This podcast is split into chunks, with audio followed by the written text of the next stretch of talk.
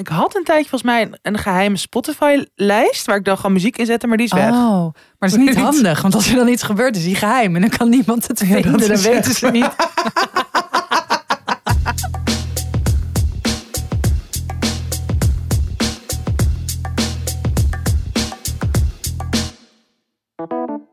Dag mensen en welkom bij de 81ste aflevering van Tussen 30 en Doodgaan. Wat doe je? Ja, ik krijg dus gewoon meldingen binnen. Dus nu is dat ding uitgegaan. Oh, wat raar. Hoe Heel kan dat? Raar. Het gaat helemaal mis. Dat kan toch helemaal niet? De 81ste Het gaat helemaal aflevering mis. van Tussen 30 en Doodgaan gaat helemaal mis. Heel mis. Ik krijg allemaal meldingen binnen op mijn telefoon terwijl we aan het opnemen zijn. Oh, Stress, alom. zo onprofessioneel. Het is allemaal zo erg tegen. Ja. Hoe gaat het? Tatjana Almouli. Malou Holshuizen. Welkom Echt, eh, eh, het is een beetje aftellen hè, hier in deze tent. in deze toko In van deze jou. toko. Ja, de laatste maand ongeveer hier, denk ik. Ja, Toch? Ik denk, denk nog, laatste. misschien nog drie afleveringen hierna. spannend hè? Oh, ja, Het is echt raar. het is echt heel raar. Hoe voelt het? Want je bent nu al dingen aan het inpakken. Ja, Je morgen koelkast komen... gaat weg, je Ja, kasten morgen- gaan weg. Dat is ook echt zo. Dat ik ze alles aan het weggeven ben aan mijn opa en oma. En er dan Zo achter lief. kom. Oh, ze gaan anderhalf maand eerder verhuizen dan ik. dus ik heb straks geen kasten meer. En geen eh, koelkast meer. Maar dan krijg ik zo'n campingkoelkast van mijn ouders. Maar het gaat hier het gaat echt een soort kamperen worden. Ja. Heb je nog wel je bank en je bed? Ja, dat wel. Dat komt allemaal de laatste, eh, laatste dagen. En ehm, eh, ja, het is heel gek. Ik heb een beetje een. Ik krijg een beetje een afkeer tegen eh, alles, alles om me heen. Maar ook zo Amsterdam. Zo, of het is hier eigenlijk lelijk. Kijk, kijk, hier is het ook echt super lelijk. Is echt soort, Nou, vinden we dit nou allemaal zo? eh, dat. een soort overlevingsmechanisme dat je niet te erg moet gaan missen. of Bijna, zo. bijna een soort van cognitieve dissonantie, Ja, ja. inderdaad. Dat, eh, maar, en ik merk dus ook dat ik nu, dat ik Antwerpen al heel erg mis. Dat ik nu al een paar weken niet geweest ben. En dat ik zo denk, oh. eh, en soms vergeet ik het ook gewoon. Dus dan ben ik hier en dan denk ik, oh ja, ik ga verhuizen. En dan verras ik mezelf opnieuw met, met het goede nieuws. zo Ja, maar jij hebt, ook dit jij hebt ook zo'n rare soort loop, omdat je zo natuurlijk in je boek hebt gezeten Ja. de afgelopen weken. Je hebt gewoon alleen maar geschreven, geredigeerd, overlegd met je redacteur. Ja, Een soort parallel universum heb jij gewoon eigenlijk ingeleefd. zo raar. Dus dan is het, ja...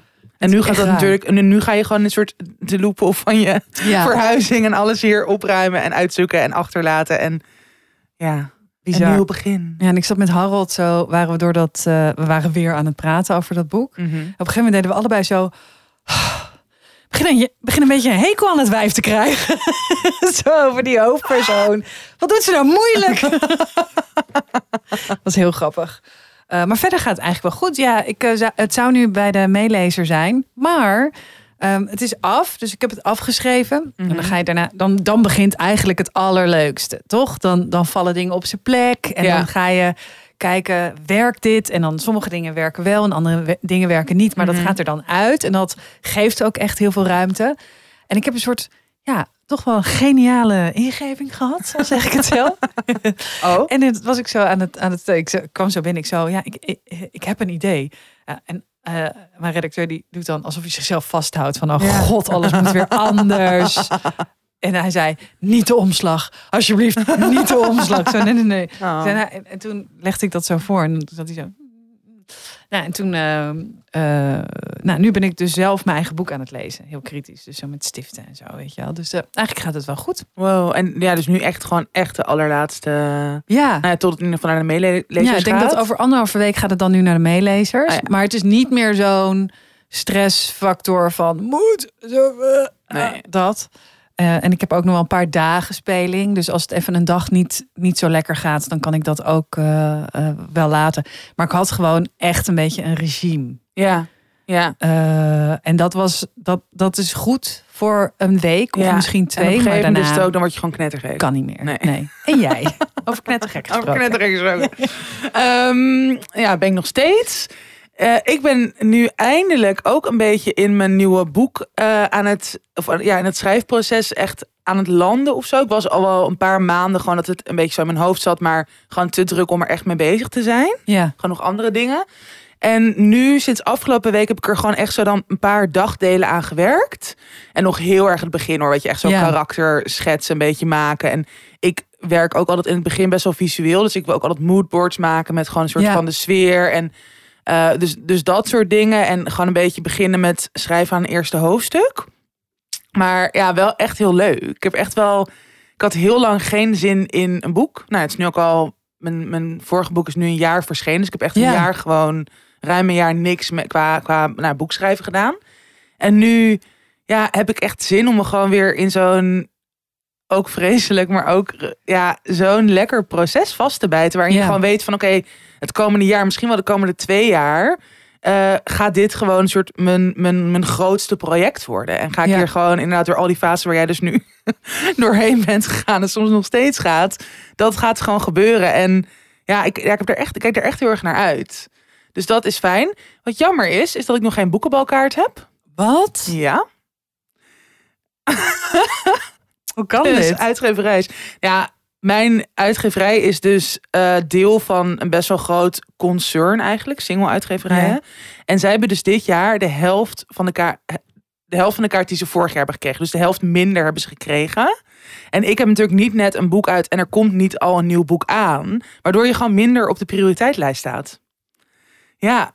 En het I'm is shocked. ik ook. Nou, ja, shock. Ik vind het gewoon heel kut. Boekenbal is echt mijn hoogtepunt van mijn Ja. jaar. En kijk, ik sta gewoon op een soort wachtlijst. En ja, ik heb dit wel van heel veel schrijvers al. De, want ik had gewoon de afgelopen drie jaar heb ik echt geluk gehad. Dat ik meteen al bij de eerste lichting altijd. En nou, wat jij nu ook hebt, gewoon dat je Mhm. Ja. een, een, mailtje van CPMB krijgt. Als er iemand luistert, CPMB. gun mij een kaart. Maar Mij meer maar dan de rest. heel veel- Ik heb een heel zwaar jaar gehad. Ja, precies. Ik ga een heel goed nieuw boek schrijven. Maar eh, echt, geloof mij. Ehm, maar nee, ik ken echt zoveel schrijvers die dan pas een dag van tevoren horen of ze mogen Ja. gaan. Dus dat is ook wel een soort normaal. Maar geen leuke positie.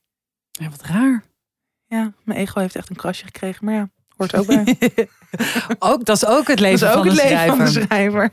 Ehm, wij maken natuurlijk een extra aflevering. Een eh, geheime aflevering. Of een huiskamer aflevering. Geheim geheim. Niemand mag Niemand luisteren. niemand mag het luisteren. en ehm, dat eh, is... eh, daar moet je voor betalen via petjeaf.nl slash tussen 30 en doodgaan. Als je dat leuk vindt. Eh, maar daar hadden we het over ehm, George Clooney en Brad Pitt. Maar ik, ik ben een beetje... Jij had het daarover. Ja, ik had het Ik vind ze boring as fuck, maar prima. Maar ik heb dus, ik heb dus even wat meegenomen. Want ik, heb, ik eh, was een beetje heel diep in die loop. Dus dan zit ik de hele tijd filmpjes te kijken van interviews en Mhm. zo. Waar ze dan heel grappig doen. En ehm, ik heb eh, een stukje, daar is George Clooney te gast. En hij vertelt over eh, een avond die hij heeft gehad. Eh, maar luister eventjes. I just saw Danny DeVito. I got in trouble with him. We were having a couple of drinks. Both of us were promoting a different film. And he goes, What are you doing tomorrow? And I go, I'm doing Regis and Kelly. And I go, What are you doing? And he goes, I'm doing The View. And he says, All right, you got to say my name and I got to say your name. And I was like, Okay. So out comes this limoncello and I'm just dumping it in the plant, you know. I guess I'm Danny. Like, Yeah, so I'm next Danny morning I go this do uh, Regis and Kelly and I go, "Blah, blah, blah, blah." last night was with Danny DeVito, you know. And, I, and then I come home and I turn on the TV and The View is on. And Danny comes, they go, ladies and gentlemen, Danny DeVito. And he comes walking out in the same clothes he was wearing the night before. and you can Google it because it's very true. He comes out drunk as you could be. Sits on like Rosie O'Donnell's lap and is like telling a story and like, rah, rah, and they're like, you're crocked. And he goes, I'm crocked. I was out last night with George Clooney. and I get the blame. Ja, hij was dus echt Oh, hij heeft echt een hotte stem wel. Ja, I know. Maar dit gaat dus over eh, de, eh, dat hij dus heel dronken is geworden. Of Danny DeVito is heel dronken geworden. En dan volgende dag moeten ze elkaars naam roepen op tv. Maar ehm, ik heb ook dat fragment opgezocht van Danny DeVito. Die dus in die talkshow teringlam daarop Wow. komt lopen. En dat zetten we eventjes eh, deze week ergens in de stories. En dit fragment ook. ik, was er, ik, ik heb dit zo vaak gekeken. Jezus. En verder heb ik niet zoveel gedaan. Zo nerd. Ja, hè? Dus dat. Nee, maar zo zie je, Ja, het gaat me ook echt om de inhoud.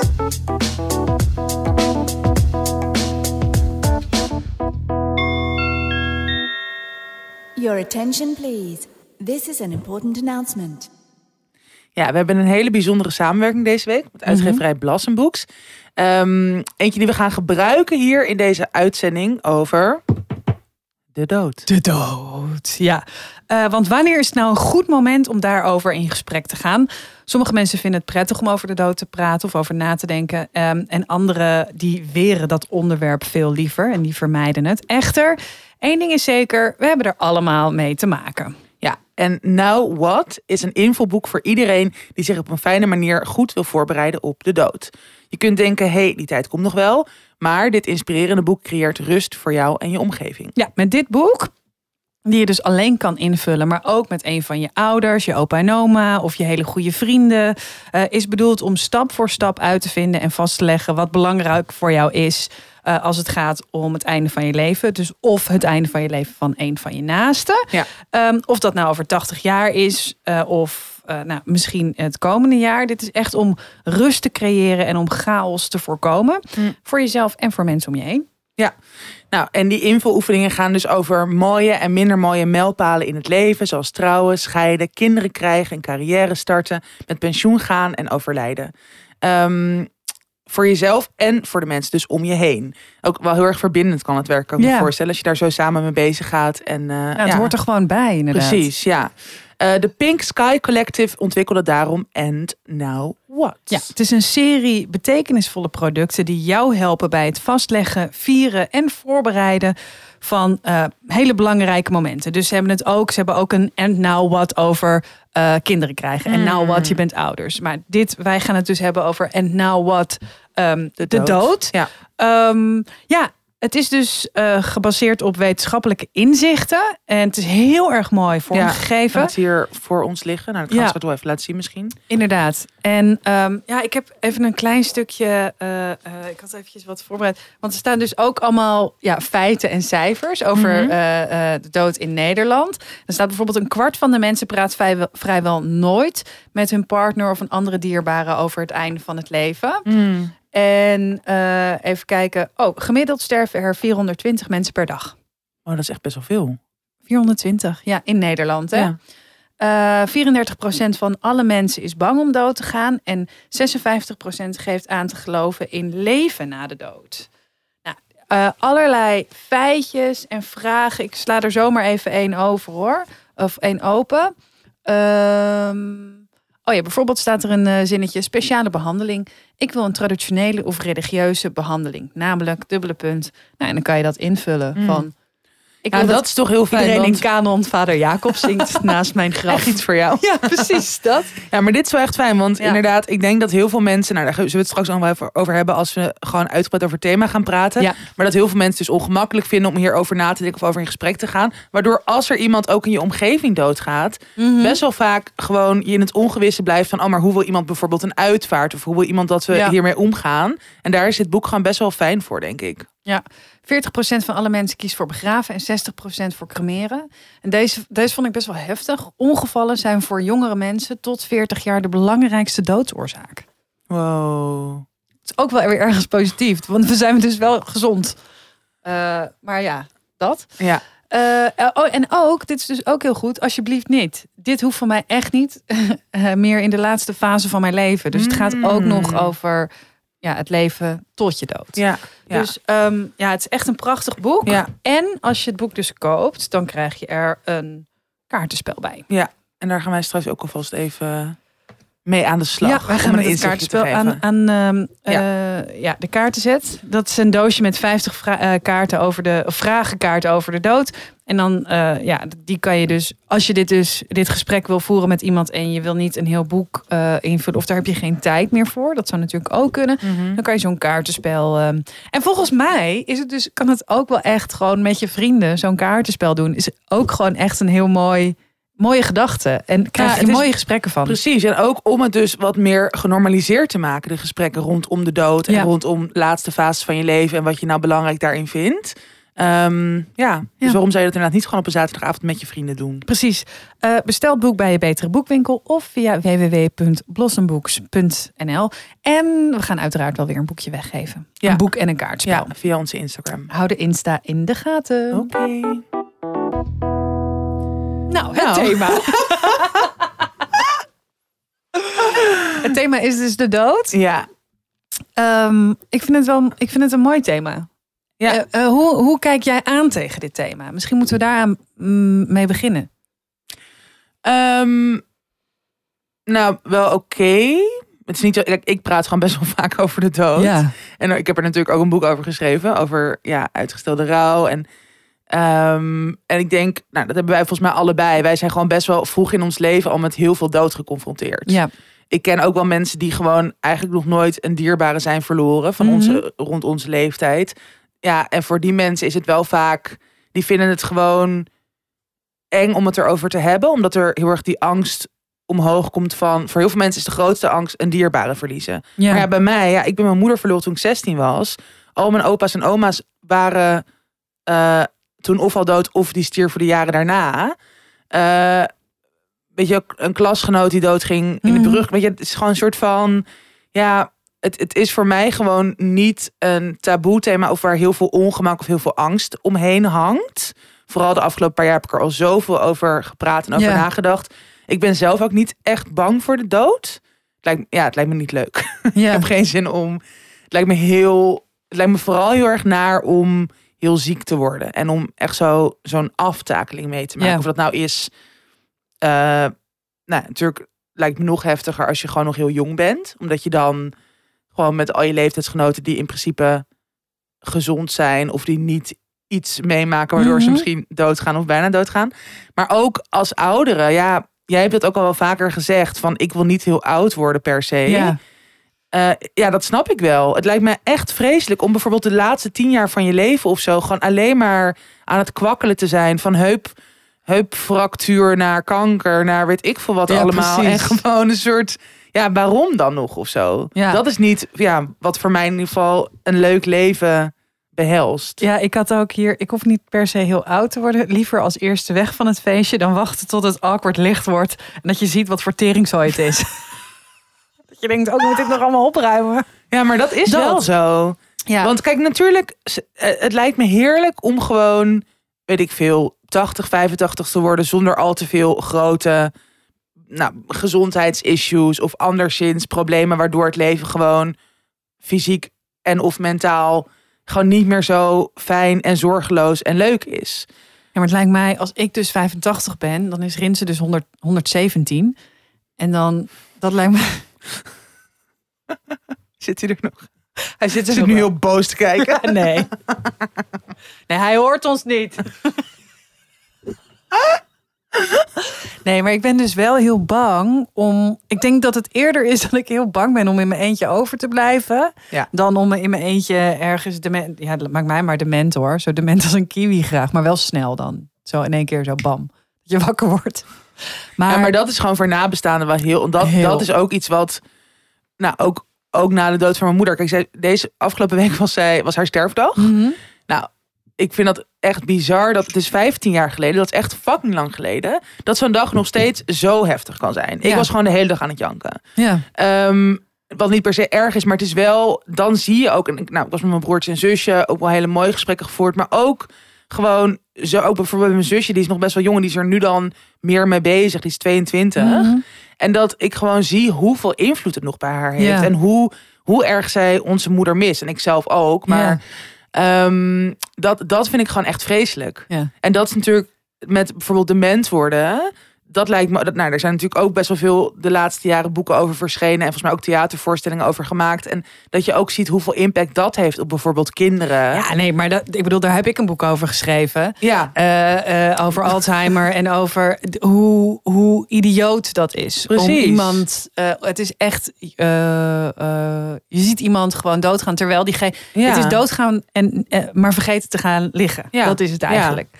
Eh, je hart stopt maar niet. Dat Ja. is zo raar. ja. Maar voor mijzelf Nee, is ook zo. Ja. eh, maakt is dat me minder erg dan dat het je is, inderdaad. Ja. het is vooral mijn angst om mensen om me heen te verliezen.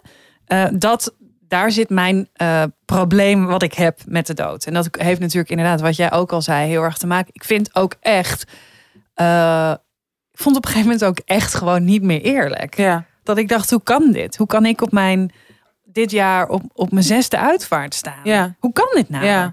Dat. En, ehm, eh, en als je dus daarover gaat nadenken, over wat eerlijk is en wat niet, dan wordt het echt, Dan- dan, ja. wordt het grauw hoor. Ja. Dat, dat, wordt, dat was niet zo fijn. Op een gegeven moment hadden we, heb ik het ook volgens mij wel vaker gezegd over eh, mijn vriend Jack Lichtvoet voor als je onder de grond moet. Eh, hij is begrafenisondernemer. Dat, we echt, eh, dat hij echt lang heeft moeten studeren en stage lopen voordat hij ongeveer het aantal uitvaarten eh, over, eh, Ja. van mij oversteeg. Ja. Wat- is wat echt best wel raar is. En dat ik dan ook. Dat ik ook zie bijvoorbeeld bij. Want bij ons wordt, gaat iedereen dan naar Crematorium Westerveld. Heb je daar. Dat ik gewoon zie. Oh, ze hebben een nieuw schilderij. Dat is echt zo raar. Absurd. Ja. Ja. Dat.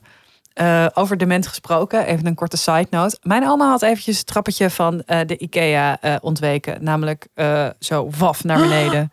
Dus die kreeg in één keer allemaal foto's van mijn moeder, van mijn oma op een brancard met twee duimpjes zo in de lucht. Oh. Ja, ze- haar gezicht is helemaal blauw. Helemaal, gewoon helemaal bloed doorlopen. Alles is, Oh nee. en het doet het pijn? Nee hoor. Lekker geslapen ook. dus, maar dat dat dus op een gegeven Ja. moment je gaat gebeuren. Dat oh, iedereen op je moet letten. Nee, dat is Ja. verschrikkelijk. Dat, Ja. eh, maar goed. Ehm zullen, we een, kaartje trekken? Ja. En dan... eh, Ja. Dus het And Now What kaartenspel. Voor een goed gesprek over de dood. Ja. Oké, wacht. Ik ga het even uithalen. als je hebt antwoord gegeven, moet je shotten. Nee. Staat hier ook Het een is fles 11 uur ochtends. Ja. Oké, trek jij eerst? Eh, over welke details van jouw uitvaart heb je al wel eens nagedacht? Hmm. Ehm, nou, ik denk wel best wel vaak na over muziek, de muziek die ik op mijn uitvaart wil. Jij Ja. ook, jij is heel Ja, erg ja, te knikken. Maar ik, ik zou dus dan bijvoorbeeld nu niet echt een nummer weten, omdat het gewoon de hele tijd verandert. Maar ik heb wel... ehm, ik had een tijdje volgens mij een, een geheime Spotify-lijst... waar ik dan gewoon muziek in zette, maar die is weg. Oh, maar dat is niet handig. Want als er dan iets gebeurt, is die geheim. En dan kan niemand het Ja, vinden. dat dan weten ze niet. Ja, maar hallo, stel je voor, je maakt het openbaar. Heel veel mensen volgen mijn lijsten. Dat is toch Ja, super weird? Een soort van uitvaartlijst. Rins en ik hebben hetzelfde liedje. En dan hadden Echt? we onafhankelijk van elkaar. Welk liedje? You can't always get what you want van de Stones. maar echt, dat vind ik Ja, een geweldig vet nummer. Ja, Dat is toch echt ook geweldig. wel- Ja, weet je, dat is Ja. toch ook gewoon leuk. En Die lachen. intro alleen al. Ja, Wel heel vet. ja. Kunnen we liever straks luisteren? Ik ben een keer op een uitvaart geweest van een vriend. Die is heel jong overleden. Was 24. En die had eh, zelf nog een soort van verrassingsnummer. En dat was Always Look on the Bright Side of Life. En toen werd er ook nog gezegd, en iedereen mag meezingen. En ik was zo, nee! Maar wat Het was, Vreselijk. Ja, het was verschrikkelijk. Maar wel Ja. ook grappig. Maar weet jij wel of jij eh, gecremeerd wil worden of begraven wil worden? Dat is natuurlijk ook al- Ehm, Nee, dat, ja, ik moet wel echt zeggen dat dit dus heel erg in mijn hoofd wisselt. Het ene moment denk ik, oké, begraven, want dan is er nog gewoon een fysieke plek waar mensen naartoe kunnen gaan. Mm. Maar ik vind ergens gecremeerd voelt ook wel ergens gewoon heel lekker opgeruimd of zo. Ja. En dat, kijk, dan kunnen mensen ook kiezen of ze bijvoorbeeld, toen mijn oma doodging, toen, eh, toen kregen wij een beetje as in een sieraad. Dat vind ik bijvoorbeeld best wel mooi, dat je dat gewoon met, dat je dat altijd met je mee Ja. kan dragen als je dat zou willen. Of natuurlijk dat je gewoon een plek in je huis hebt waar je dan, ja, of de hele urn hebt staan of gewoon een beetje. Of dat je hebt daar wel meer keuzes in of zo. Mhm. Dat vind ik met begraven, ja, anders. En dan Ja, gewoon het mag idee, zijn eigen ja, ritueeltje van ja. maken. En jij? Maar mijn eigen reet uit. Nee. Ik denk eerder cremeren, omdat ik het een heel raar idee vind dat dan op een gegeven moment dat mensen moeten betalen om dan, Ja. om dan jou, je grafrechten en zo. ja. Ehm, dus dat is ook meer dat, dat ik mensen er niet mee wil opzadelen. Eh, aan de andere kant, stel, eh, ik, er blijven mensen achter en die zouden het. Oeh. Hoorde je dat? Was je vergeten met aanhalen? ja, Marloes stierf tijdens. Ehm, nee, dat, dat stel dat je dat nabestaande dat wel weer heel prettig lijkt. Ja. Dat die denkt, ja, ik, ik wil wel nog Ja. eh, tien jaar eh, iedere zondag snikkend aan een graf staan. Ja. Ja, be my guest. Ja, dus je? dat, ik vind dat, daar ben ik het wel mee eens. Dat ook gewoon, dat dat echt zo'n keuze is die ik ook aan nabestaanden zou overlaten. Ja. En mijn opa, ik heb laatst met hem een gesprek eh, opgenomen. Dus dan, gewoon erover gehad van wat wil je eigenlijk? Toen dacht ik, ik neem het wel even op. Ehm, en, maar hij wil geen kist. Ja, hij wil in van die waden. Heb ik nog nooit gehoord. Ja, je Wat is kan dat? dus. Nou, dat zijn doeken. Dus dan word je in doeken gewikkeld. En dan zo. eh, dus dan hoef je niet in een kist. Oh. Ja, dat bestaat. Mijn oma vindt het vies. Gadverdamme, nee. Ik vind, ja, maar ja. Zo over jouw opa fiets. Nee, maar dan ook de- gewoon het idee dat, er, dat je dan gewoon echt sneller opgegeten gaat worden. Zie je? Dat is wel heel raar, hè? Maar misschien fikt het wel lekker. Doet het wel weer... eh, ja, Ja, oké. dus Hm. dat. En an- ja, ander, ja, ik heb dat niet. Ik heb niet per se dat ik al helemaal in mijn hoofd heb van zo'n kist of dit soort bloemen. Of maar ja, Echt niet zoveel uit. nee, maar ook niet echt. Nee. Ik wil wel dat gewoon sommige... Ik wil wel een zwarte lijst. dat sommige mensen niks mogen zeggen. Ja, maar dan denk je, nee, ja, laat maar. Ja, dat, dat niet komen. jij mag geen stukje doen. Sta ik erop? Alsjeblieft, Tatjana, Ja, weg. Jij, jij doet een, eh, een voordracht uit mijn beste werk. zo gewoon heel lang. Iedereen zo, ja, ha, Gewoon je nu weten we het wel. Oh, dat is best wel leuk.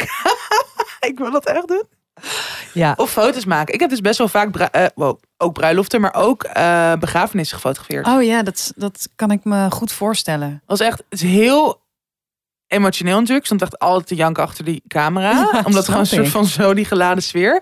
Maar het is wel... Eigenlijk is... Nou, dat heeft er weer mee te maken dat dus in onze maatschappij rouw en de dood... eh, zo erg in een soort hoekje worden geduwd. En dat er niet heel veel ruimte voor is. Ja. Dat ja, inderdaad net zoals in die zin een, een bruiloft. Of gewoon... Het is wel een markant moment in iemands leven. Ja, zeker. Ook al ben je dan dood. Maar, en ook voor de nabestaanden. Het is zo belangrijk om gewoon daar ook op zo'n dag. Maar ook als je er dus aan terugdenkt. Dat je gewoon een soort ja, document. Ofwel door middel van foto's of video of allebei. Ja, Dat je, dat je zo nog gewoon die herinneringen een soort van hoog kan houden. ja. Ja. Hm. Ja, dus ik mooi. fotografeer jouw bruiloft. Wow, weer bruiloft. Is goed, we kijken wel wat er eerder gaat plaatsvinden. Nog een kaart? Ja, nog een kaart. Jij, trek jij er één. Even kijken. Ehm, men zegt dat de belangrijke momenten in een flits aan je voorbij gaan als je bijna sterft. Welke mensen en momenten zouden daar bij jou sowieso in voorkomen? Oh my god.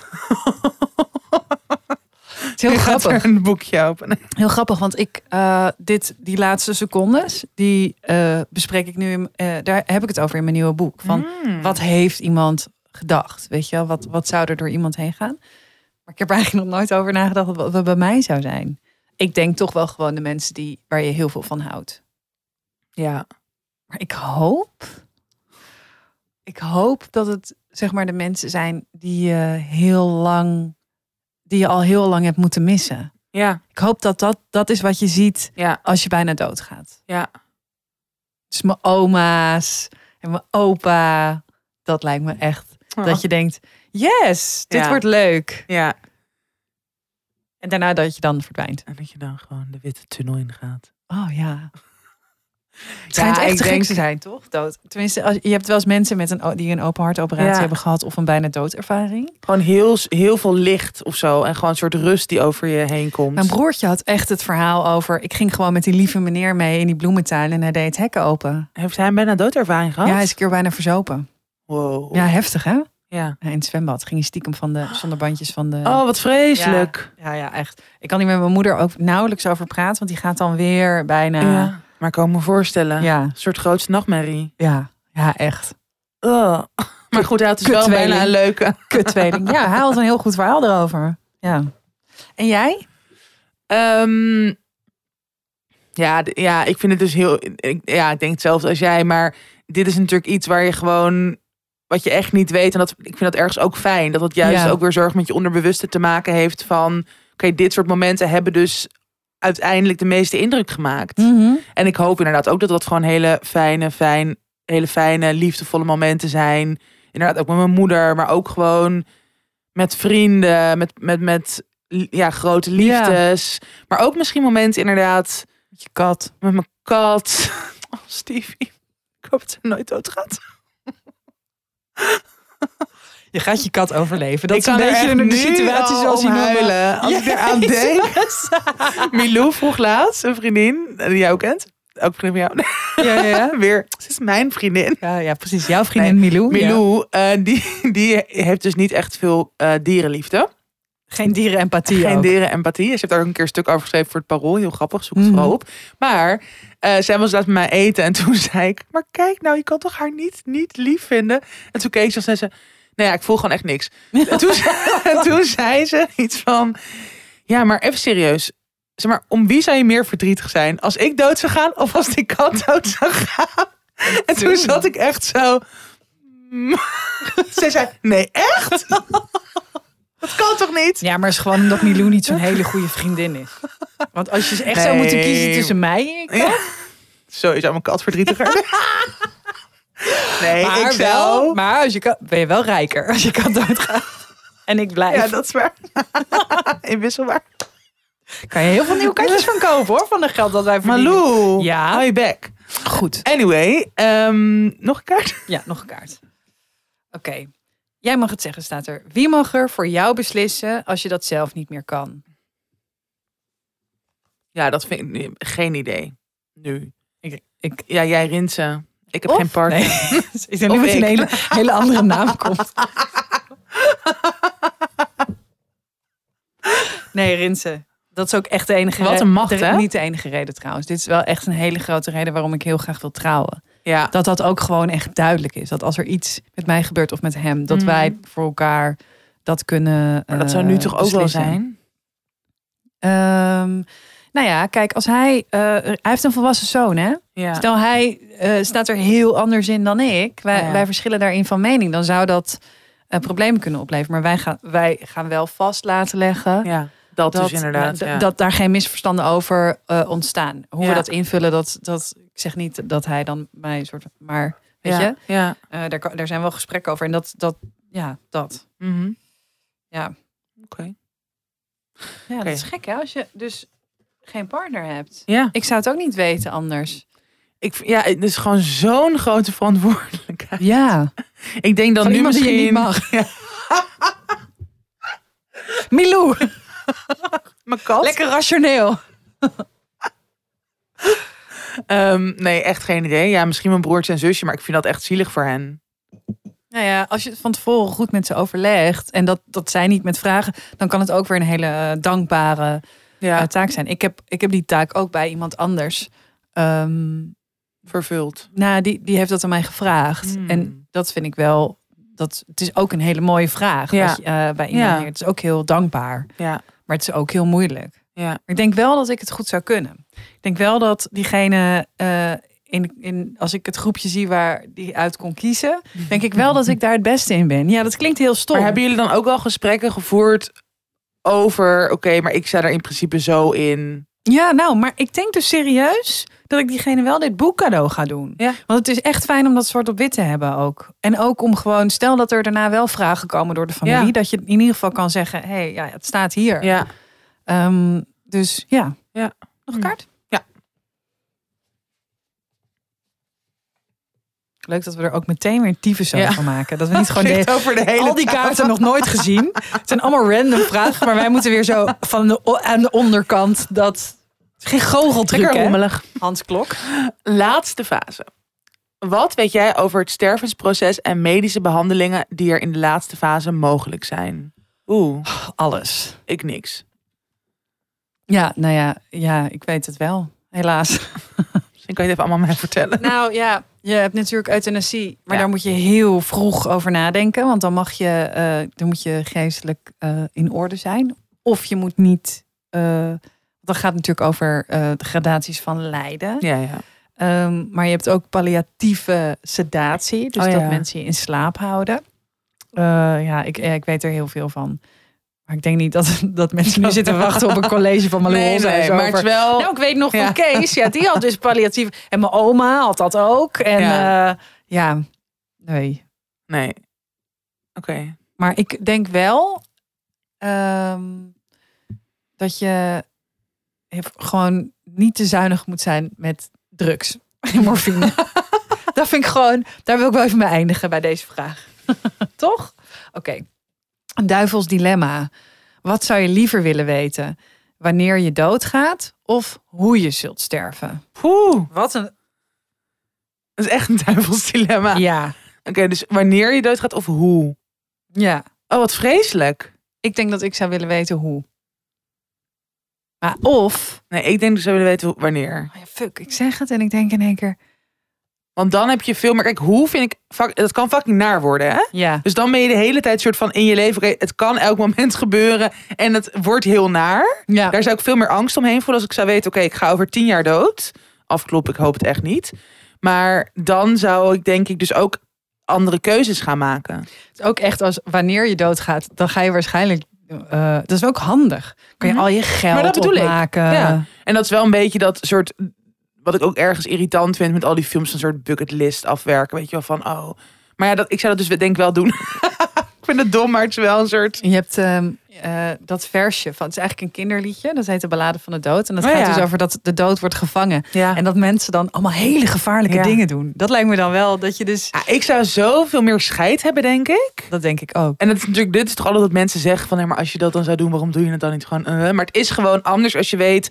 Oké, over tien jaar ben ik dood. En dan ga ik nu niet een soort sparen. En dan ga ik gewoon mijn buffer Ja, aan allemaal lijpe shit uit. maar je hebt dus een boek, hè, dat heet Doorlevers. Dat is een boek van mensen die een diagnose hebben gekregen. En die dus niet. Die diagnose kwam niet. Dus die kwam niet uit. Dat boek heet ook Doorlevers. Maar er zijn En mensen die hebben allemaal zieke schulden. zieke en schulden en zo. Ja. Een strafblad. Sorry.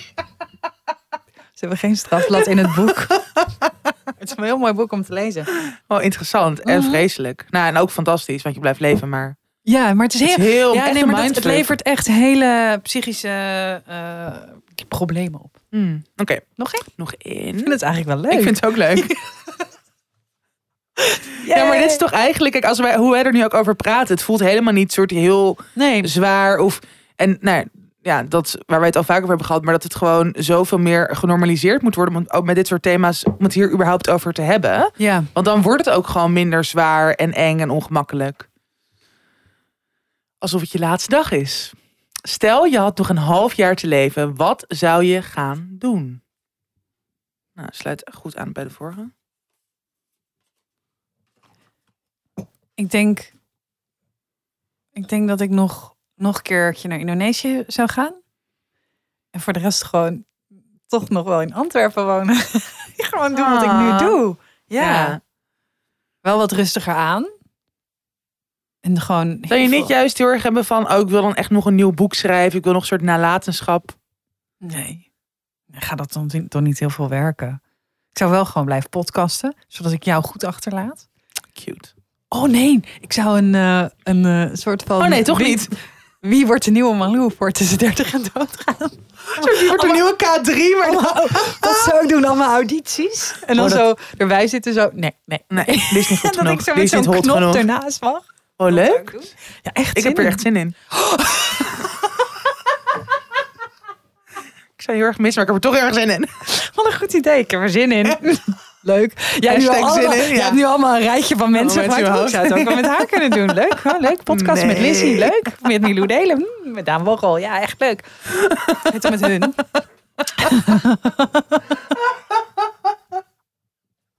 en jij?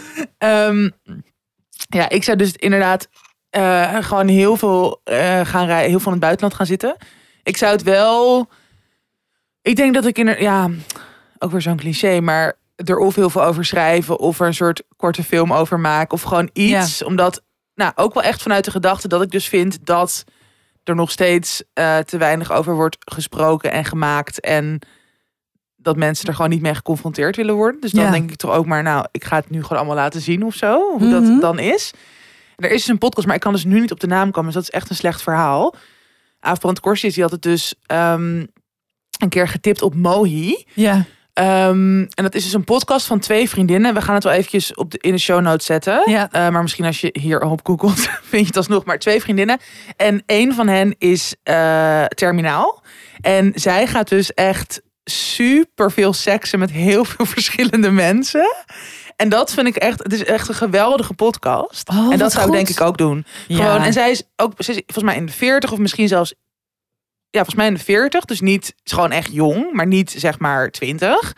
En zij gaat het gewoon helemaal omarmen. Ook dat, dat aftakeningsproces. En ook dat ze zich soms gewoon heel slecht voelt. En eigenlijk niet aantrekkelijk, maar een soort van. Mhm. Ze, ze, ze neemt heel erg de regie daarover. En ze zegt van ja, ik wil gewoon op alle mogelijke manieren nog genieten. En nou, het is echt heel, het is heel grappig en heel ontroerend. Maar ook dat ik dacht, ja, ik zou dat waarschijnlijk ook doen. Ja. Gewoon heel veel reizen, heel veel seksen, heel veel eh, lekker eten. Wel nog gewoon schrijven en inderdaad de dingen doen waar ik gewoon gelukkig voor word. Natuurlijk heel veel met de mensen zijn van wie ik hou. ja. Eh, maar gewoon alles, ja, gewoon in extreme gewoon nog proberen alles eruit te halen. Wel. Je hebt die ehm, documentaire, volgens mij heet die documentaire Nachtvlinder. Ja. Over Ja. die vrouw, die jonge vrouw, die is ook heel erg ziek. Heeft Ja. heel veel pijn. En haar moeder had dat ook. En zij heeft het al met haar moeder meegemaakt. En zij heeft dezelfde ziekte. Ja. En die geeft dan echt het grootste feest, Feest van Amsterdam. ever, Met ja. shotjes en weet ik wat. En de volgende dag eh, pleegt ze euthanasie. ja, volgens mij Zeg je wel. dat zo? Ja. Euthanasie pleeg je of neem je of Onderga je? Nee, volgens mij wel pleeg. krijg je? Want het is wel euthanasie. Je kiest er... Nou, dit is Zelf hetzelfde voor, met ja. abortus. Ja. Ja, ja, het is een beetje tussenin. Ja. Volgens mij staat hij op de NPO. Heel, heel mooie docu. heftig ook. Heel heftig. Holy shit. Ja. Ja, maar ik weet nog precies wanneer. Dat zijn echt van die docus dat je nog precies weet wanneer je het dan hebt gezien en Ja. hoe erg je geraakt werd. Mhm. Nog een kaartje? Wil jij daarin trekken? Maakt niet uit. Oké. Oké. Een diner voor twee. Stel, je mocht uit eten met iemand die is overleden. Wie zou je kiezen? Eén iemand maar. Ja, ik wel mijn moeder. Ja, Ja, dat, ja. snap ik. Ik dacht ook aan Frida Kahlo, maar ja. Moeder Frida Kahlo. Bijna dezelfde Nou, ja. hoogte. Of Amy Winehouse. Weinig eten dan. Ja, wel iemand die gewoon. eh, ja, maar het, toch, het gaat wel vooral om het gesprek. Of omdat je gewoon nog in elkaars aanwezigheid bent, toch? Ja. Ja, ik kan natuurlijk duizend bekende mensen opnoemen die ik geweldig zou vinden, maar ja. Jij? Ehm, echt heel moeilijk. Ja, lekker. Mm. Weet je wat ook zo raar is?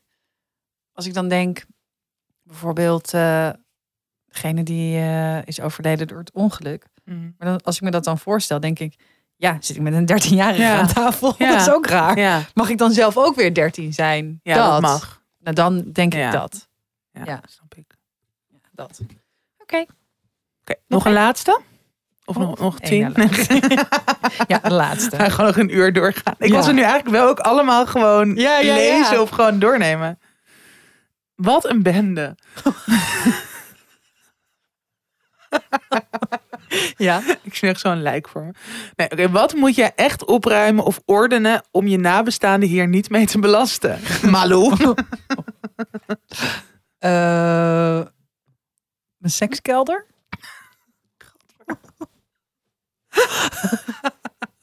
dat je zo, ja, maar dat je Zo'n dat dus- dungeon. ja. Mijn dubbelleven? Je minnaar. Even opruimen. Wegruimen. Ja. Oeh, Ehm. nee, ik denk dat ik niet echt iets heb. Nee, niet echt lijken in de kast. Nee, maar ik zou gewoon, ik zou niet prettig vinden eh, als er een hele vieze was ligt of zo. Nou, of dagboeken vind ik ook wel. Ja, ik heb natuurlijk die dagboeken Oh, ja. van mijn moeder gelezen. ja. Maar ik weet niet of ze dat eigenlijk... Ik, ik zou er echt niet aan moeten denken... dat mensen die ik gewoon nu in mijn leven heb... dat die mijn dagboeken gaan lezen. Dat vind ik echt vreselijk. Ik weet nog dat, eh, ik kan geen namen noemen, maar iemand eh, kwam in het ziekenhuis te liggen. En vrienden van diegene dachten alleen maar, fuck, we moeten zijn telefoon hebben. Want als een vriendin zijn telefoon te pakken krijgt, dan... Oh my god. Ja. Ja, misschien, ja, ik bedoel... Je Instagram. Ik denk, nee, maar ik denk dus dat je, dat je telefoon, dat daar ongeveer het meest, Ja. als, als je geheimen hebt, staan ze daarin. Maar Ja, en ook nog niet eens, zeg maar, geheime geheimen. Dus natuurlijk inderdaad als je affaires hebt. Maar ook gewoon... Ja, überhaupt. Bijvoorbeeld jouw chat met Ronald Giphart. Oh ja, nee, dat zou echt, oh, dat zou vreselijk zijn. Ja. Als dat, Maar ook onze chat ja, is ook onze niet chat- altijd mals hoor. ik ben een beetje de tweede Ronald Giphart voor jou geworden. Jij zegt ook zo vaak... Dit mag je echt tegen niemand zeggen. Ja, maar zo, ik, ik ben laatst tijd gewoon heel gemeen en heel Ja. snel geraakt. en boos. Zo, jezus. Zo Wat heel- een- ja, Mm. echt. Ik wou een validistische term gebruiken. Hoer. Ehm, wat een, ja, wat een sekswerker. Ja, wat een sekswerker. Ehm, ja, ja. dat. Nee, telefoon is wel Nou, pittig. dat inderdaad. Ik zou mijn gesprekken die ik heb over diegene, terwijl, ter- die ik niet meer meen, Ja, die je op, dat, die je op een bepaald moment Ja. hebt gemeend, ja. die eh, zou ik, ja, dat, dat zou ik niet prettig vinden als iemand. Even dat wissen gewoon. Precies, Ja. even wissen. Ja. Eigenlijk zou er een, een, een soort van noodwisknop moeten zijn. Die dus al je chats wist van. Nou ja, je kan natuurlijk, maar dan moet je nog wel semi in leven zijn. Gewoon je iPhone-instellingen resetten. Dat is dat eigenlijk. Dan Oh is ja. alles weg. Maar niet je eh, Cloud. Insta-account. Nee, dat niet. Ik weet zelf niet eens hoe mijn cloud werkt. Nou, Ik heb geen maar. idee. Ik heb geen idee wat erin staat. eventjes, oh my god. Voor checken als je in het ziekenhuis ligt. Ja, ik heb dus ook, ik heb dus nog een hele oude computer van, ehm, eh, van mijn ex. En daar staan dus, Van hem. ja, van hem. Die, die heb ik dus. Maar daar staan dus ook nog weer allemaal foto's op. Ook weer van hem, van, van vakanties van daarvoor en van stages en zo. En als ik dat nu dan bekijk, denk ik, oh, daar staan gewoon ook halfnaakte foto's op van mensen die misschien 17 zijn of zo. Dat is heel raar. Ook van jou. Eh, nee, want ik was 18 plus toen ik met hem kreeg. Maar wel half naakt foto's via 18 plus. Ja, Nou ja, dat is ook een goudmijntje. nee, maar ja, voor dat sommige ja, mensen. goudmeidje. Overal is een markt voor. nee, maar dat je denkt, oh, oh wat raar. Als, me, als stel dat iemand dat nu vindt, Ja. dan heb ik dus een, een laptop met een harde schijf waar. eh, eigenlijk kinderporno. foto, Ja, waar foto's op staan van hem. Van, van ja, dat is dus heel gek Dat is eigenlijk. heel gek. Wat moet je daarmee doen? Want ik durf dat dus niet aan, aan iemand te geven van... hey, maak dit even leeg of schoon. Of moet ik dat dan verbranden? Of Of zelf gewoon verwijderen. zelf... Ja, maar dan, ik wil daar niet naar kijken. Want het, zijn ook, het is ook niet mijn eigendom. Maar van wie Gewoon is het? teruggeven, Ja, toch? teruggeven. Ja, dat zou ik doen. Ja. Dat is toch zijn ding. Ja, verantwoordelijkheid. En dan is het ook logisch als iemand het ooit vindt. Dan is het gewoon, ja, dit is mijn Ja, dat- geschiedenis. Ja, precies. Opgelost? Opgeruimd? Volgens mij ligt het zelfs bij Rinsen trouwens. Dan wordt het helemaal een raar verhaal. Dat hij dan Arme harde Rins wordt overal meegezogen bij jou. Ja, dat is Oh, echt trammeland. Ja, ik ben, ik ben echt alleen maar trammeland. Zeker. Het nog eentje doen? Doe jij maar. Oh, wie wil er min- minder bitchy zijn aan aan het einde? Voor, voor altijd. Auw. Welke dierbare spullen moeten na jouw dood echt bewaard blijven? Ehm, nou, niet mijn dagboeken. Ehm, ja, dat vind ik ook lastig inschatten. Want kijk, ik, voor mij is iets dierbaar, maar ik weet natuurlijk niet wat voor Ja. mijn nabestaanden iets dierbaars is. Dus misschien willen ze me mooie gouden ringen hebben. Maar misschien willen ze een- foto's hebben die ik heb gemaakt. Weet je wel? Mhm. Dus ja. Ja. En voor mij is natuurlijk, ja, ik heb nu een paar dierbare dingen in mijn huis. Bijvoorbeeld een schilderij die mijn moeder heeft gemaakt van houtskool. Een Ja. stoeltje van mijn oma. Nou, ik kan me voorstellen dat voor, dat het voor mijn broertje en zusje bijvoorbeeld ook nog dierbaar is. Maar voor vrienden misschien weer hele andere dingen. Dus in die zin zou ik zeggen, je mag alles hebben. Ja. Behalve mijn harde schijf, behalve mijn telefoon en behalve mijn dagboeken. Het lijkt me ook wel heel raar. Ik hoop wel ook dat mensen mijn boeken dan bewaren. Gewoon mijn eh zelfgeschreven boeken.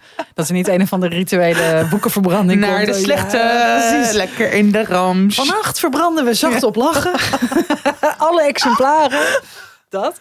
Nee, Nee. maar inderdaad. Het, wordt bedoel, waarschijnlijk alleen maar meer waard. ik hoop alleen maar dat mensen eh, gewoon... Dat je denkt, oh, dat schilderij heb ik altijd al heel mooi gevonden. Dat wil ik in mijn huis. En dat het dan Ja. een soort dingen die doorleven. Dat ik zou wel even zeggen wat ik van jou wil hebben?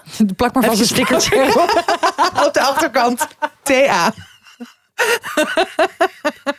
Funny because you're gonna do Ja. it. Oh, oh, oh. Oké. Your attention, please. This is an important announcement. Ja, en als je dan toch blijft leven, we hebben echt een hele lekkere samenwerking dit keer. Ja. Met niemand minder dan de Chocolate Makers. Nou, zij maken heerlijke repen chocolade in de meest uiteenlopende smaken. Van donkere melk en zeezout naar zoete, zoute popcorn. Puur met sinaasappel en peper. En, dat vinden wij heel fijn, ze zijn heel duurzaam en eerlijk gemaakt. Alles is op 100% eh, biologische en op zonne-energie geproduceerde. Met verpakkingen die bestaan uit compostbaar materiaal eh, gemaakte chocola. Ja, ja, top. Nou, en het is bijna Valentijnsdag, zoals we allemaal weten. En Zin dat is in. toch wel een heel... ik niet. Nee, dat is toch wel een heel fijn moment om de mensen waar je van houdt... Nou, het kan dus een romantische partner zijn... maar het kan ook je beste vriend, vriendin, ouders, opa of oma zijn... om hen te verwennen met iets leuks. En vooral lekkers dus. Eh, de chocolate makers hebben een speciale pure love reep... van 65% pure chocola... met smaaknuances van kers, abrikoos en rozijnen. Deze smaak zit van nature al in de Criollo cacao en komt door de lichte branding tot uiting in deze chocola. Nou, echt heel lekker. Wij hebben net met ons eh, zaterdagochtend koffietje een paar eh, stukjes genuttigd. En ja, echt super lekker, toch? Ja, het is echt heerlijk. Eh, Als zaterdagmiddag koffietje, eh delicatesse, maar ook als dessert bijvoorbeeld. Als je Ja. gasten krijgt. Yes. Nou, de cacaobonen van deze reep zijn afkomstig van Co-Agro Nevada. Een vrouwencorporatie uit het natuurreservaat in Sierra Nevada de Santa Marta in Colombia. Sinds 2016 kopen de chocolademakers deze al biologische koffie bij hen in.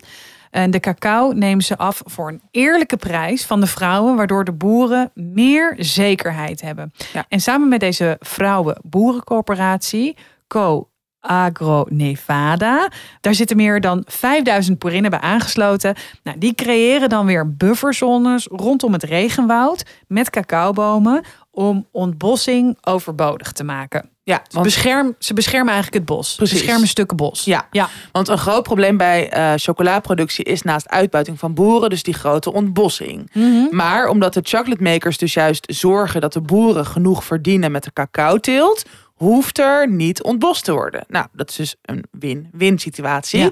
En met dit allemaal in je achterhoofd maakt zo'n reep chocolanuttige dat toch nog wel iets lekkerder. Ehm, ja, als je dus weet dat het zo eerlijk en duurzaam Nou, geproduceerd precies. wordt.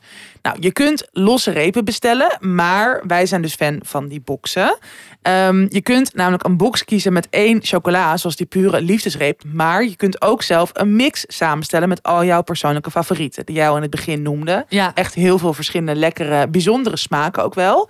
En zo zit je nooit zonder, want dat is toch wel een van de meest frustrerende dingen in het leven. S'avonds heb je een zoete craving. Nou, bij mij is dat eigenlijk altijd chocola. Mhm. En dan zit je opeens zonder. Ja, en ook heel leuk als je je gasten een soort van heel breed assortiment kan Ja. maken. Dat is toch leuk, zo'n beetje Ja, zo stoer heel doen. Ja. en wil je caramel zeezout? en wil je caramel zeezout erbij, bla bla. Mensen die echt zo gaan aankijken, duur, doe normaal, Ja. gewoon chocola. Ja, maar wat voor chocola? Ja, maar dat is echt met zo'n box. Nou, je zit gewoon in principe nooit zonder. En ik kan gewoon iedereen inderdaad een breed scala aan chocola aanbieden. Dus ja, amazing. En wat ook heel fijn is, die zo'n doos, zo'n box, die past dus gewoon door je brievenbus. Ja, dat is heel chill. Echt je, moet er niet je hoeft er niet voor thuis te zijn. Dat je, dat je buren, dat je dan Ja. aangevreten terugkrijgt. Sowieso. buren hier in jouw huis. Ja, Eh, wij mogen uiteraard een kortingscode van 10% op het gehele assortiment van de chocolate, make- chocolate makers weggeven. Ja. Check eh, chocolatemakers.nl en ga naar de chocola. Eh, klik alles aan wat je wil hebben. en voor jou, voor je Valentijn. En gebruik de kortingscode TDED10. Yes, in hoofdletters. Dus in hoofdletters de initialen van tussen 30 en doodgaan is dat gewoon. En dan 10 voor de 10% korting. Super. Gewoon- ik leg even de ja, kortingscode heel goed. uit. Handig Good hè? for you, babe. Oké, fijn. Geniet ervan. Doei. Hallo cuties. Er staat weer een nieuwe Fuck, Mary Kill op jullie te wachten. Dit zijn ze. Het zijn trouwens drie knappe mannen die heel goed kunnen zingen. Bruno Mars, Justin Timberlake en John Mayer. Doei! Doei. Doei. Wat zei hij? Bruno Mars. Bruno Mars, Justin Timberlake en John Mayer. Oh ja. Wow, we hebben allebei een soort Fucking. hersentumor. Ja. Keihard lachen. Allebei dood. Yay. Ehm, Oké. Ehm, ik zou... Poeh. Ik weet hem al. Ik weet hem ook. Oké, ik zou trouwen met John Mayer. Ja. Ik vind hem Hot. heel hot. Echt heel hot. Mhm. En ik vind zijn liedjes soms echt vreselijk. Echt zo heel weeg. Gast, zing door. Ja, maar soms vind ik het ook wel fijn. En het is ook natuurlijk de mood waarin je zit. En ik kan me voorstellen in- een huwelijk met hem... dat je Ja. gewoon altijd in een soort dweperige, romantische half geile mood zit omdat hij zo hot is. Ja. Ehm, en ik zou seks met Justin Timberlake. Mhm. Lijkt me prima. Ik vind hem niet heel aantrekkelijk, maar ook zeker niet onaantrekkelijk. En bijvoorbeeld, weet je, die clip van Signorita. Ja. Daar vind ik hem zo geil. Hot. Ja. Ja. Dus eh, prima. En Bruno Mars heb ik echt, echt 0,00000 iets mee. Ik weet gewoon niet eens bijna hoe hij eruit ziet. Of een liedje, ja. Hot. Nee, ja, wow, vind je? Ja, ik zou trouwen met ehm, eh, die jij ook zei, John Mayer. Ik zou seks met Bruno Mars en Justin Timberlake eh, mag eh, zich gaan schamen in de hel voor wat hij Britney heeft aangedaan. Ja, dat is wel waar. Oh ja, goed, goed punt. Ja. Dus, oké, Oké. oké, Doei. door.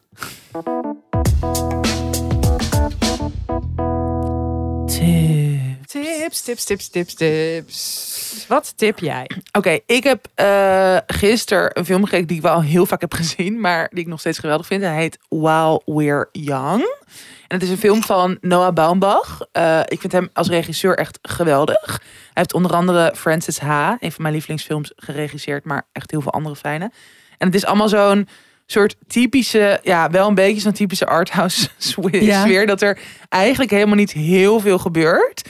Kijk, het gaat over. Kijk, ik ging hem ook kijken omdat Adam Driver een van de hoofdrolspelers is. En ik door Girls weer helemaal een soort verknocht ja. ben aan die vent. Hij is jouw George Clooney. Ja, echt. Ehm, en eh, dus hij is een van de hoofdrolspelers, maar. Zeg maar, je hebt twee stellen. Het ene stel is volgens mij midden 40 en het andere stel is midden 20, zoiets. En zij komen elkaar. Nou, het lijkt alsof ze elkaar een soort random tegenkomen, random elkaars levens. Uiteindelijk zit daar een hele strategie van het personage van Adam Driver achter. Die wil namelijk filmmaker worden. En het andere hoofdpersonage is ook filmmaker. En maar die soort van twintigers, dat is gewoon echt zo'n typisch hipsterkoppel. Dus ze rijden op racefietsen door eh, New York natuurlijk. Ze Uiteraard. verbouwen hun eigen kombucha, gaan naar ayahuasca ceremonies. En die veertigers, die zijn gewoon een beetje zo uitgeblust. Eh zien ook allemaal al hun vrienden om hen heen hebben allemaal kinderen. Zij hebben daar niet voor gekozen of ze konden geen kinderen krijgen. En je ziet gewoon, ze hebben een soort nieuwe prikkel nodig. En de nieuwe prikkels zijn die twintigers. Mhm. En dan ontvouwt zich gewoon een heel verhaal. Het gaat ook heel erg over inderdaad de levenskeuze die je maakt. De consequenties die aan vasthangen. Maar ook heel erg over dus creatieve processen. Hoe erg je je eigen subject mag zijn. Waar wij het ook al wel vaker over hebben. Ja. Ook dat hele idee van Nora Ephron. Everything is copy. Is it though? Weet je, dat zit ook een beetje hierin. Ja. Dus ehm, ja, gewoon echt zo'n lekkere film. Niet te zwaar. Wel een paar interessante thema's. En gewoon geweldig sferisch. Oh, wat heerlijk. Dus, ik heb daar nu denk- al zin in. Ja, ik denk dat jij hem ook echt eh, geweldig vindt. Ja. Dus, Oké, en jij? ik tip eigenlijk iets wat jij zou moeten tippen. Namelijk Oh. de documentaire Wildcat op Amazon Prime. Heb je die al gezien? Nee? Oh, jij gaat echt jij, jij gaat sterven. Hier, neem al je kaartjes maar mee. Ehm, het gaat over een. eh, dit is allemaal, allemaal echt. Eh, want het is een documentaire. Het is een 18-jarige eh, Harry Turner. Die zit in Afghanistan. Mhm. Zit in het leger. En die maakt zoveel vreselijke dingen mee. Ehm, en hij is getuige van echt nou, hartverscheurende taferelen. Wa- wat ervoor zorgt dat hij om medische redenen eh, niet meer eh, in het leger mag zitten. En de- eh, hij is heel depressief en Mm. heeft ontzettende PTSS. Ehm, en hij vertrok naar Peru om daar zelfmoord te plegen.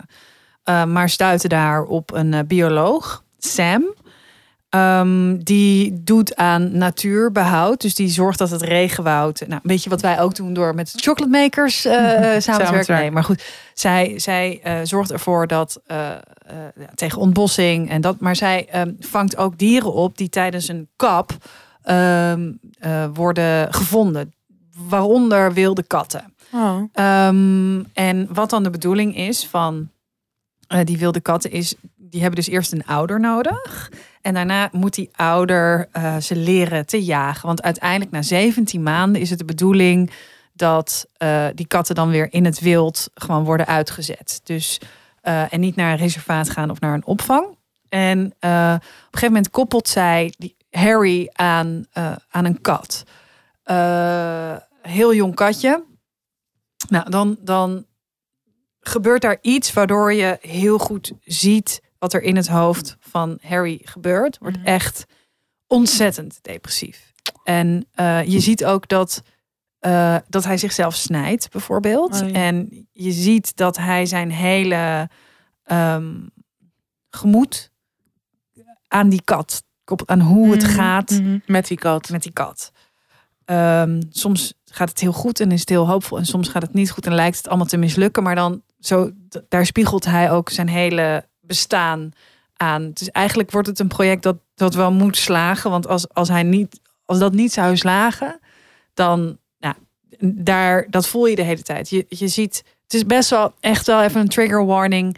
Je ziet echt iemand die niet meer wil. Hij is Mm. heel veel aan het huilen. Als hij blij is, is hij heel blij. Heel veel liefde voor die kat. Wat natuurlijk ook meteen heel kwetsbaar maakt. Want het blijft een. Oeh. Ja, het is, het is Echt zo intens. Heel intens. Maar het gaat ook over die Samantha, die dus, die Sam, die relatie met hem aangaat, met die Harry. Ehm, en het gaat ook over haar grens. Waar ligt die grens tot Mhm. hoe ver iemand eh, bij je mag gaan? En, en wanneer houdt jouw verantwoordelijkheid op? Mhm. Nou, dat hebben wij in de levensvragen natuurlijk ook best wel veel. ehm, van, we krijgen best wel veel levensvragen van vrienden die zeggen: ja, ik maak me zorgen om, om een vriend. Eh. Ik voel me zo verantwoordelijk, ik weet niet wat ik moet doen. Nou, zij, zij maakt op een gegeven moment ook daar keuzes in. Mm. Ja, het is, het is zo ontzettend mooi. Het is zo goed gefilmd. Het is zo verdrietig. Ehm, eh, ouders komen ook op bezoek. En je, weet je, je ziet het van allerlei. Nou, je ziet gewoon hoe het is als er iemand ontzettend depressief is. Ja. Het is echt heel mooi. En het, ja, het, het, het is echt heel mooi. Dus ehm, ja. Wel heel heftig, Ja, het maar is wel, ontzettend ja. heftig. Maar ja, misschien moet ik er gewoon bij vertellen. eh, uiteindelijk voelt, voel je je goed na het kijken. dus dat is misschien wel goed Ja. om te zeggen. Het is, er zitten heel Het is veel... een achtbaan, maar uiteindelijk... Ja, en ook er- als je... ja. het is heel heftig. Ik moest echt onwijs huilen. Nou, ik, Dat zegt veel. dat zegt heel veel. Hij staat op Amazon Prime. Het is echt prachtig. Oké.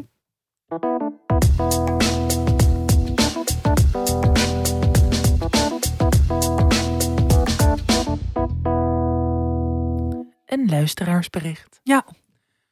Fantastische babes. Yeah. Mijn levensvraag. Van Nelleke staat er? Mhm. Dat is van Nelleke. Ze is van. Oké. Mijn levensvraag. Ehm, mijn ouders worden ouder, midden 60, begin 70. En zijn zich aan het oriënteren op een woning die meer geschikt is voor hun oude dag. Ik ben heel gevoelig en ik kan slecht tegen verandering. Maar bovenal hecht ik heel veel waarde aan plaatsen. Mijn ouderlijk huis is letterlijk mijn geboortegrond. En als kind met een rijke fantasie kon ik urenlang buiten spelen in de grote tuin die me of me vermaken in alle hoeken en kieren van het huis en de bijgebouwen. Het is een oude boerderij. Er liggen zoveel herinneringen opgeslagen en ik had gehoopt dat mijn kinderen dit ook zouden kunnen ervaren. Mijn dochter is net één, dus dat is niet zo waarschijnlijk. Ik heb er enorme moeite mee te weten dat ik binnen afzienbare tijd afscheid moet gaan nemen van het huis en die plek, die nog steeds als, echt, als mijn echte thuis voelt. Hoe ga ik hiermee om? Hoe neem je afscheid van een plek?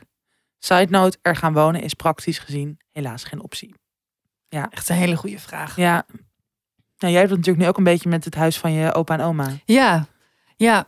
Ehm, Of tenminste in ja, diezelfde zeker, fase. Ja. zeker. En ik merk dat het bij hun ook vooral heel veel onrust Doet. en paniek eh, veroorzaakt.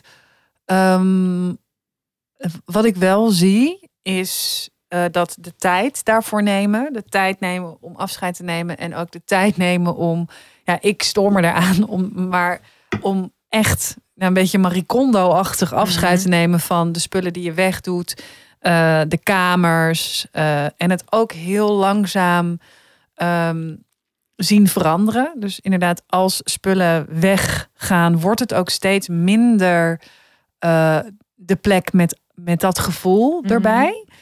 Ehm, ja, en ik denk dat. ehm, kijk, mijn oma neemt dan uit iedere kamer een soort van herinnering mee. Eh, en dat, daar, daar moet ze dan heel goed over nadenken. En eh, die probeert dan aan de hand van voorwerpen ehm, dat mee te nemen. Dus dat zou een hele goede tip kunnen zijn. Kijk naar nou, helemaal niet echt dingen van waarde, maar als het gaat over je rijke fantasie. Ik heb bijvoorbeeld van mijn overgrootoma heel lang eh, een plumeau gehad Mm. eh, met kippenveren.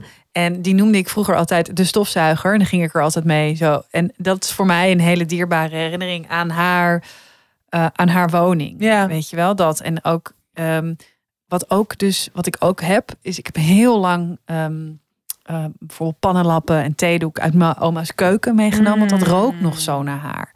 En dat gaat dan heel Oh. langzaam wel weg. Maar Ja. dan, dan zit die herinnering Gewoon iets tastbaars. Ja. Ja. en ik zou het eigenlijk gewoon. eh, ehm, ik zou.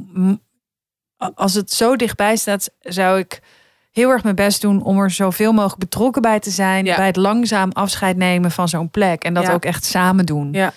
Ehm, Ja, ik zou er ook, ik zou het misschien, eh, ik zou er inderdaad dat proces echt aangaan met je ouders. Misschien heb je ook nog Ja. wel broers of zussen, maar in ieder geval met hen.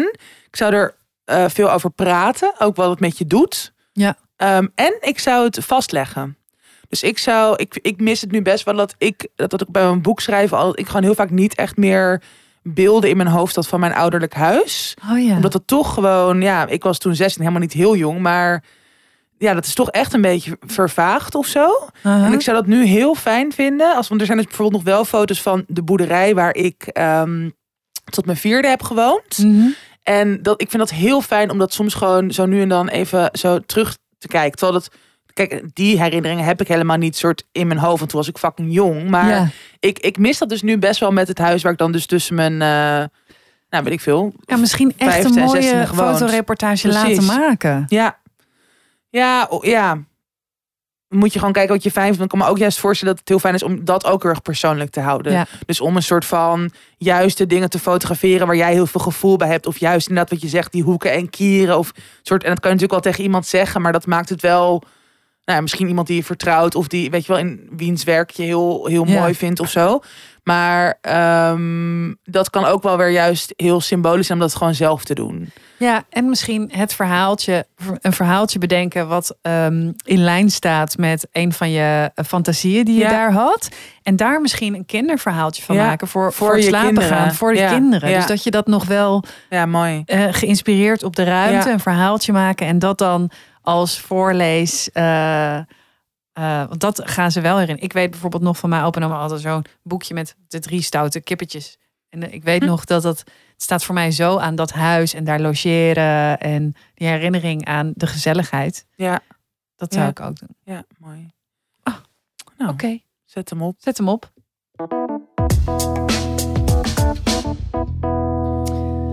Dit was de 81ste aflevering De 81ste van aflevering. Dus 30 Doodgaan. Ja.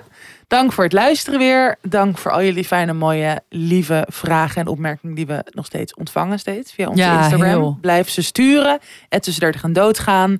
Wil je samenwerken, net zoals Blossom Books en de Chocolate Makers bijvoorbeeld, dan kan dat via, eh, dan kun je dat aangeven via onze mail. Mhm. Dus 30 gaan en doodgaan at gmail.com naar onze favoriete Jul. Jultje. Jultje. Ja.